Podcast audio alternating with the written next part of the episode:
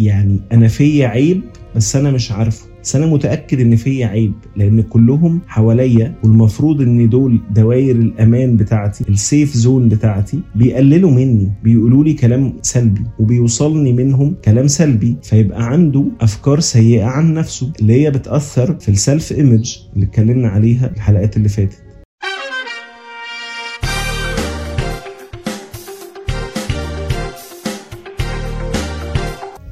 طيب المشاعر السلبية والأفكار السلبية دي هيودوا إلى إيه؟ سلوكيات سلبية زي إيه؟ الطفل لما يبتدي يكبر بقى شوية ويبتدي يبقى عنده شوية إرادة حرة يعني ابتدى يعمل هو الحاجات من دماغه مش بيعمل بس اللي أهله بيقوله له أو اللي هو شايفه بيتعمل قدامه وبيقلده هيبتدي يعمل سلوكيات سلبية أشهرها على الإطلاق إنه هيتخن أكتر يعني إيه؟ من أشهر أشهر ردود الأفعال للناس اللي بيتقال لها إيه ده؟ أنت تخنت كده ليه؟ إن هو بيبقى عايز يروح ياكل. ليه بقى بيبقى عايز يروح ياكل؟ ده اللي بنحاول نفهمه في الحلقة دي. الأكل ودي هنتكلم عنها باستفاضة في حلقات جاية كتير بيبقى جواه وبيترجر من المخ إن هو يطلع شوية هرمونات بتغلب الإحساس السعادة عن الإحساس الوحش والسلبي اللي موجود ده. لو حاجات فيها سعرات عالية لو حاجات فيها سكريات أو شوكولاتات الحاجات دي هتطلع لك دوبامين في مخك. والشوكولاتة بالذات بتطلع سيروتونين كمان. والدوبامين والسيروتونين من الهرمونات على ال spectrum بتاع السعادة بت trigger positive emotions طبعا الدوبامين ده الإنسان بيعيش حياته كلها بيجري وراه ونفسه يبقى بياخده 24 ساعة يعني. والسيروتونين ده يعني كانت دكتورة نشوى أستاذتي واللي علمتني ال health coaching بتقول لنا عليه إن هو زي يعني هرمون السرور كده. ده حاجة الإنسان يبقى مبسوط جدا وهي موجودة في جسمه. فجسم الطفل هو أجل كإنسان أو كطفل صغير في السن هو مش واعي لكل الكلام ده. بس جسمه عارف ومخه عارف. ان لما باكل الحاجة اللي فيها سعرات كتير دي بتبسط.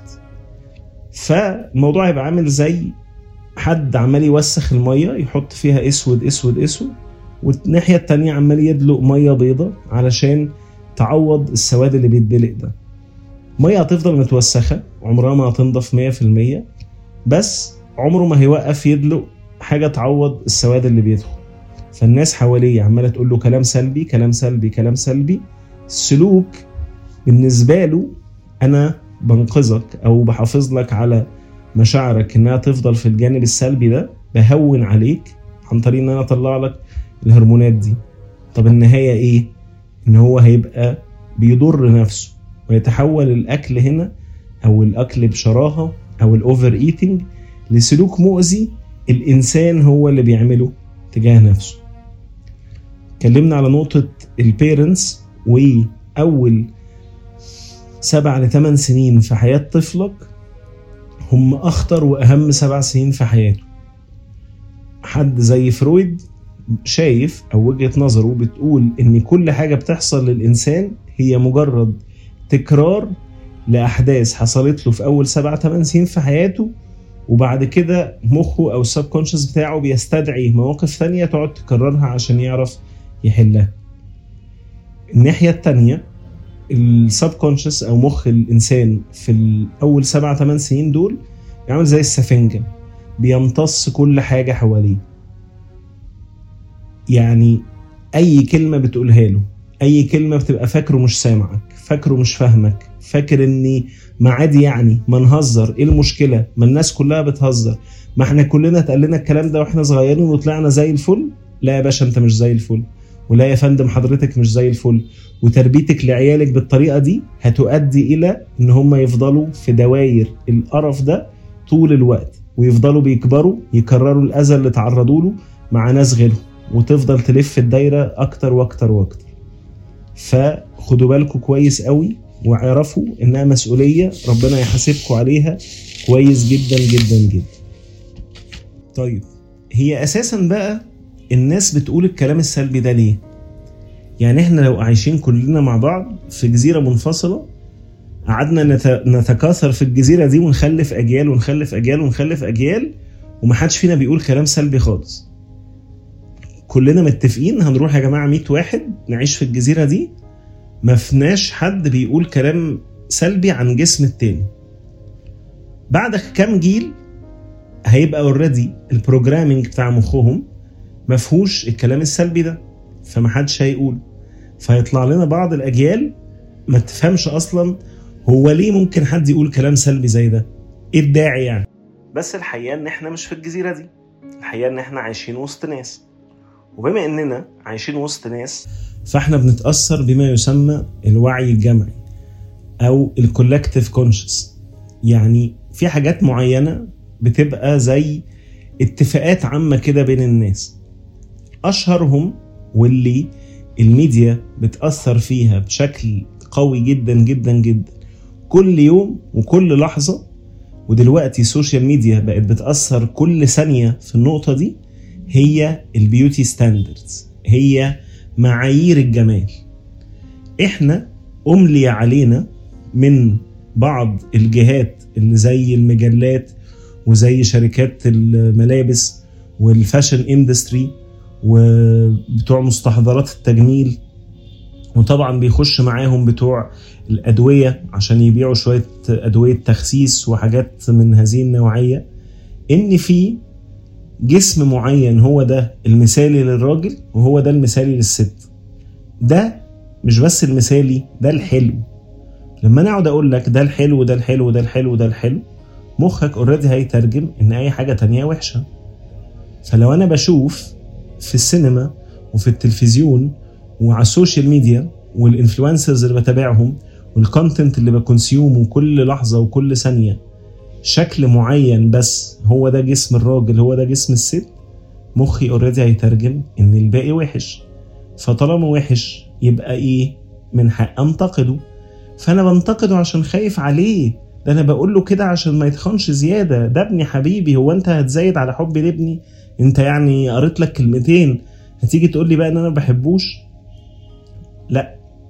إحنا بنتكلم إن كل كلمة حضرتك بتقولها بتأثر فيه فممكن تبقى زي الدبة اللي قتلت صاحبها. حبك فيه وسعيك إن هو ما يروحش لل overweight أو ما يروحش للوزن الزايد ويعاني من مشاكل ال obesity هيوديه لإن هو يعاني من مشاكل تانية نفسية بسبب إن أنت بت communicate معاه الحب ده بشكل غلط بسبب كلام السلبي فال beauty standards وطبعا أمثلة ده وخش يعني بص عليه في أي اكتب بس كده beauty standards من السبعينات ل 2023 هتلاقي 10 أشكال للجسم وطبعا ده عند الستات أكتر. يعني definitely ومحدش يقدر ينكر الستات بتعاني من أذى الميديا وأذى ال beauty standards ألف مرة قد الرجال. هتلاقي أشكال مختلفة تلاقي عشر أشكال عكس بعض. مرة كانت تبقى الست لازم تبقى جلد على عظم ما فيهاش واحد في المية دهون. مرة لازم تبقى curvy وفيها دهون بس في مناطق معينة. ومرة لازم تبقى skinny هي مش جلد على عظم ومش curvy ومرة تبقى مش عارف عاملة إزاي. وشكل الكمثرى لا شكل التفاحة لا شكل الشمامة. ويتحط ال standard ده ويمشي عالم عليه. والسبعة ولا تمانية مليار بني آدم اللي عايشين مطلوب منهم إن هم يأمنوا على إن هو ده بس ال beauty والباقي وحش. الميديا بتأثر. beauty standards بتأثر. السينما والتلفزيون وال content اللي بت consume ه بيتأثر. حتى الكرتون. كرتون بيتعمل فيه الأشكال والأطفال بيترسموا بحجم معين. ولو طلع حد overweight في حاجة من دي غالبا بيطلع عشان يتم السخرية منه. حتى في السينما المصرية الأمثلة لا تعد ولا تحصى. يعني يوم ما ربنا كرم علاء ولي الدين وطلع كبطل فيلم وهو overweight ده كان breakthrough في تاريخ السينما المصرية. كانش بيتعمل ده. إن يطلع البطل يبقى حد overweight لا لازم البطل ليه شكل معين. البطلة لازم يبقى ليها شكل معين. هنطلع بقى بطلة overweight لا دي نطلعها صديقة البطلة. آه نطلعها third wheel في العلاقة بتاعه الفيلم. وطبعا إحنا كل ده بنتكلم على القديم بنتكلم على ليه إحنا كناس كبيرة في السن دلوقتي كناس ممكن كتير من الجيل ده يبقى آباء وأمهات اتأثرنا بده وبنقول وبنكرر الكلام السلبي ده. طيب الأطفال بقى والجيل الحديث السوشيال ميديا ضربت الموضوع ده في 100 وفي 1000 أنت النهارده 24 ساعة قاعد ماسك التليفون بت consume content فاتح بقى تيك توك فاتح يوتيوب فاتح سناب شات انستجرام فيسبوك ايا كان بت consume content منين؟ بتلعب جيمز جيمز المشهورة جدا كل ال games اللي بتلعبها على تليفونك لو فيها representation لإنسان هتلاقي جسمه شكل معين بس هو ده الجسم. أي حاجة تانية بيترسخ جوه عقلك إنها غلط. وبالتالي أنت بتدي لنفسك الحق إن طالما ده غلط يبقى أنا من حق أنتقده يبقى من حقي أقول له كلام سلبي. آه لما بتتزنق بعد كده بترجع تقول لا ده ما كانش قصدي ولا ده مش كلام سلبي أصل ده هزار. بس أنت بتبقى عارف أو مش عارف بس مخك عارف إن هو عايز يشاور على الحاجة دي ويقول إن دي وحشة يقول إنها مش عاجباه. عشان مخك حصل له programming من كمية الحاجات اللي بتأثر فيك وبترسخ إن ده الحلو ده ال beautiful والباقي is not طيب أنا ليه عمال أتكلم على الحاجة اللي متكررة واللي حصلت معانا وهنعملها في عيالنا وهكذا؟ لأن واحدة من أكتر الحاجات اللي بتخلي الناس تقول كلام سلبي اسمها دوائر القهر. يعني إيه دوائر القهر؟ يعني أنا في وقت من الأوقات كنت طفل بستوعب وبكونسيوم كل حاجة بتتقال عمال يتقال لي كلام وحش عن شكلي يتقال لي كلام وحش عن وزني يتقال لي كلام وحش عن إن أنا تخين. فأنا بستوعب ده. وعمال زي ما اتكلمنا على مثلث المشاعر والأفكار والسلوك عمال يرسخ أفكار سلبية جواي وإن أنا أوحش منه وإن أنا أقل منه طيب ده بيؤدي إلى إيه بعد كده؟ إن أنا هكرر نفس السلوك اللي أنا اتأذيت منه. فلما يجي لي عيل أو لما أكبر في السن ويبقى عندي أخ صغير أو لما أبقى في المدرسة أنا في إعدادي أروح أتنمر على العيال اللي في ابتدائي واللي معايا في الباص أصغر مني أبقى أقوى منهم فقادر أقهرهم زي ما أنا اتقهرت. دي اسمها دوائر القهر. وده بيحتاج حد اسمه cycle breaker يعني بيجي حد زي حالاتي كده يقول أنا هوقف ده. أنا آه تعرضت له من وأنا صغير تعرضت للتنمر بسبب شكلي تعرضت للتنمر بسبب وزني بس أنا مش هكرر ده. مش هسمح إني أبقى جزء من دوائر القهر دي anymore بس طبعا ال cycle breakers دول عددهم صغير قوي compared للناس اللي بتكمل في ال cycle وعلشان كده بنحتاج الوعي. بنحتاج ال awareness علشان كده بنعمل البودكاست اللي زي دي. طيب دوائر القهر دي بتتلخص في إني أنا اتعرضت لأذى ف I am hurt مخي ترجم ده لفكرة بتقول له I'm worthless ما أنا لو ليا قيمة ما كانوش أذوني فأنا عديم القيمة. فأنا عايز والإيجو بتاعي بيزقني إن أنا أشوف لي قيمه ف if I can hurt I would be worthy. لو عرفت أذي حد يبقى أنا كده ليا قيمة. بقى خايف مني بقى بيهبني ما بقاش عايز يقرب مني عشان أنا ليا قيمة. فلما أذي أرجع أغذي تاني الورثنس بتاعت نفسي.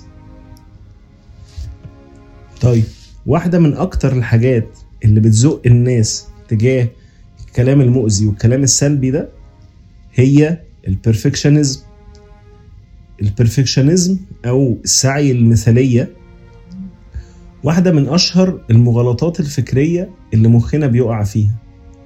بتؤدي لل black and white thinking بتؤدي لل all or none إن الحاجة يا تبقى مثالية يا تبقى زي الزفت ووحشة. وده كمان بيسقط على الأشخاص اللي إحنا بنتعامل معاهم والأهم من ده بنسقطه على نفسنا خد بالك كويس قوي قوي قوي إن كل الكلام اللي إحنا قلناه ده زي ما الفويس والتون والانرجي والفايبريشنز والبادي لانجوج بتفرق في الكلام اللي أنت بتقوله على الآخرين والآخرين بيقولوا عليك نفس الكلام بيحصل لما حضرتك أو حضرتك تقولوا الكلام ده عن نفسكم. لما تقف في المراية وتقول إيه القرف ده؟ إيه المنظر ده؟ أنا تخنت كده ليه؟ أنا بقيت عامل كده ليه؟ ده أنا زمان كنت وكنت وكنت.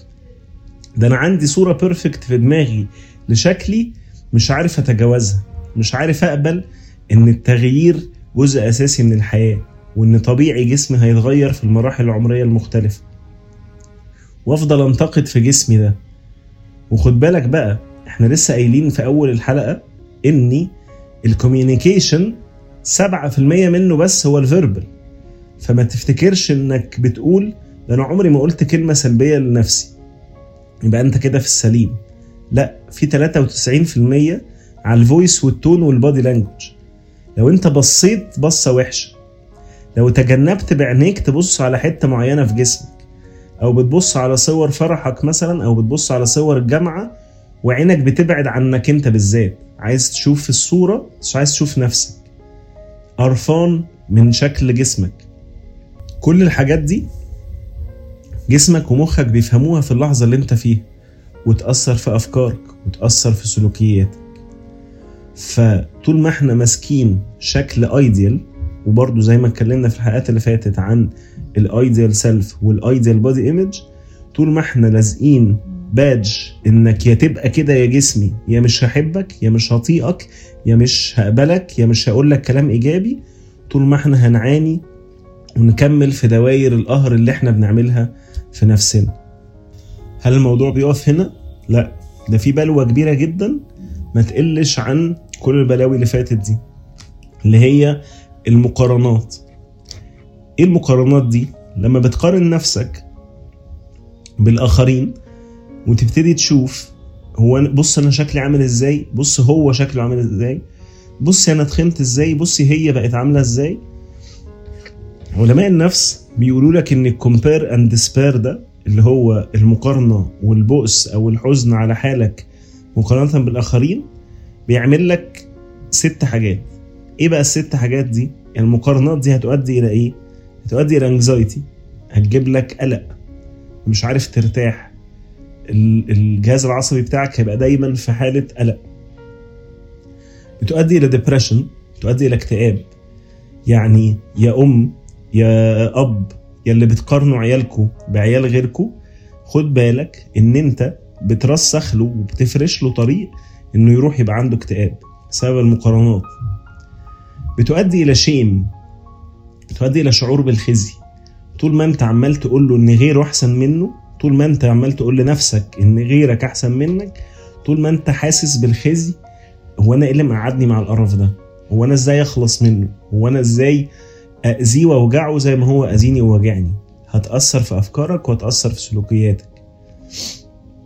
بتؤدي إلى envy بتؤدي إلى حسد والحسد طاقة زيه زي ما الكلام طاقة أو ال vibrations بتاعت الكلام بتوصل فالحسد بيوصل كطاقة. بس ده topic نبقى نتكلم فيه بالتفصيل بعدين. بس المقارنات بتولد عندك حسد تجاه الآخرين وبتولد عند عيالك اللي انت بتقارن بينهم وبين الآخرين دي حسد تجاه الآخرين. بتؤدي إلى self criticism الصوت اللي عمال طول الوقت ينتقد جواك ده كان في وقت من الأوقات صوت حد من ال parents أو صوت authority figure في حياتك بينتقد. ولو أنت ما وقفتش ده مع نفسك هتكرره مع عيالك وهم يكرروه وهلم جر وبتؤدي إلى lack of self worth يعني ما بتحسش بقيمتك الذاتية. الموضوع ده موضوع كبير وهنتكلم عنه إن شاء الله بالتفصيل. فكرة السيلف وورثنس وفكرة إزاي أحب نفسي أو أقبلها زي ما هي. وعلاقتك بجسمك واحدة من أهم الحاجات في الرحلة دي. رحلة إنك تعرف تحب نفسك وتقبلها زي ما هي. وتعرف تحب جسمك وتقبله زي ما هو. علشان زي ما قلنا إن كلام الناس زي ما بيأثر فيك كلامك مع نفسك بيأثر فيك. وزي ما قلنا إن كل مرة حد هيقول لك إيه ده؟ أنت تخنت كده ليه؟ هتقوم عايز تروح تاكل؟ ففي كل مرة أنت بتقول لجسمك تخنت كده ليه؟ هيبقى عايز ياخدك ويقوم ويروح ياكل. فلو عايز تخس وأنت مبسوط أهم حاجة تفهمها إنك محتاج تبطل كلام السلبي اللي بتقوله لنفسك وتحط boundaries واضحة تجاه أي كلام سلبي الآخرين بيقوله لك. ولو أنت أب أو أم اوعى اوعى اوعى تنتقد شكل جسم طفلك ده تحت أي ظرف من الظروف. تنسوش تعملوا فولو تعملوا سيف للحلقة دي شيروها مع أصحابكم اللي ممكن يستفيدوا منها اشوفكم في حلقة جاية وانت تخنت كده ليه.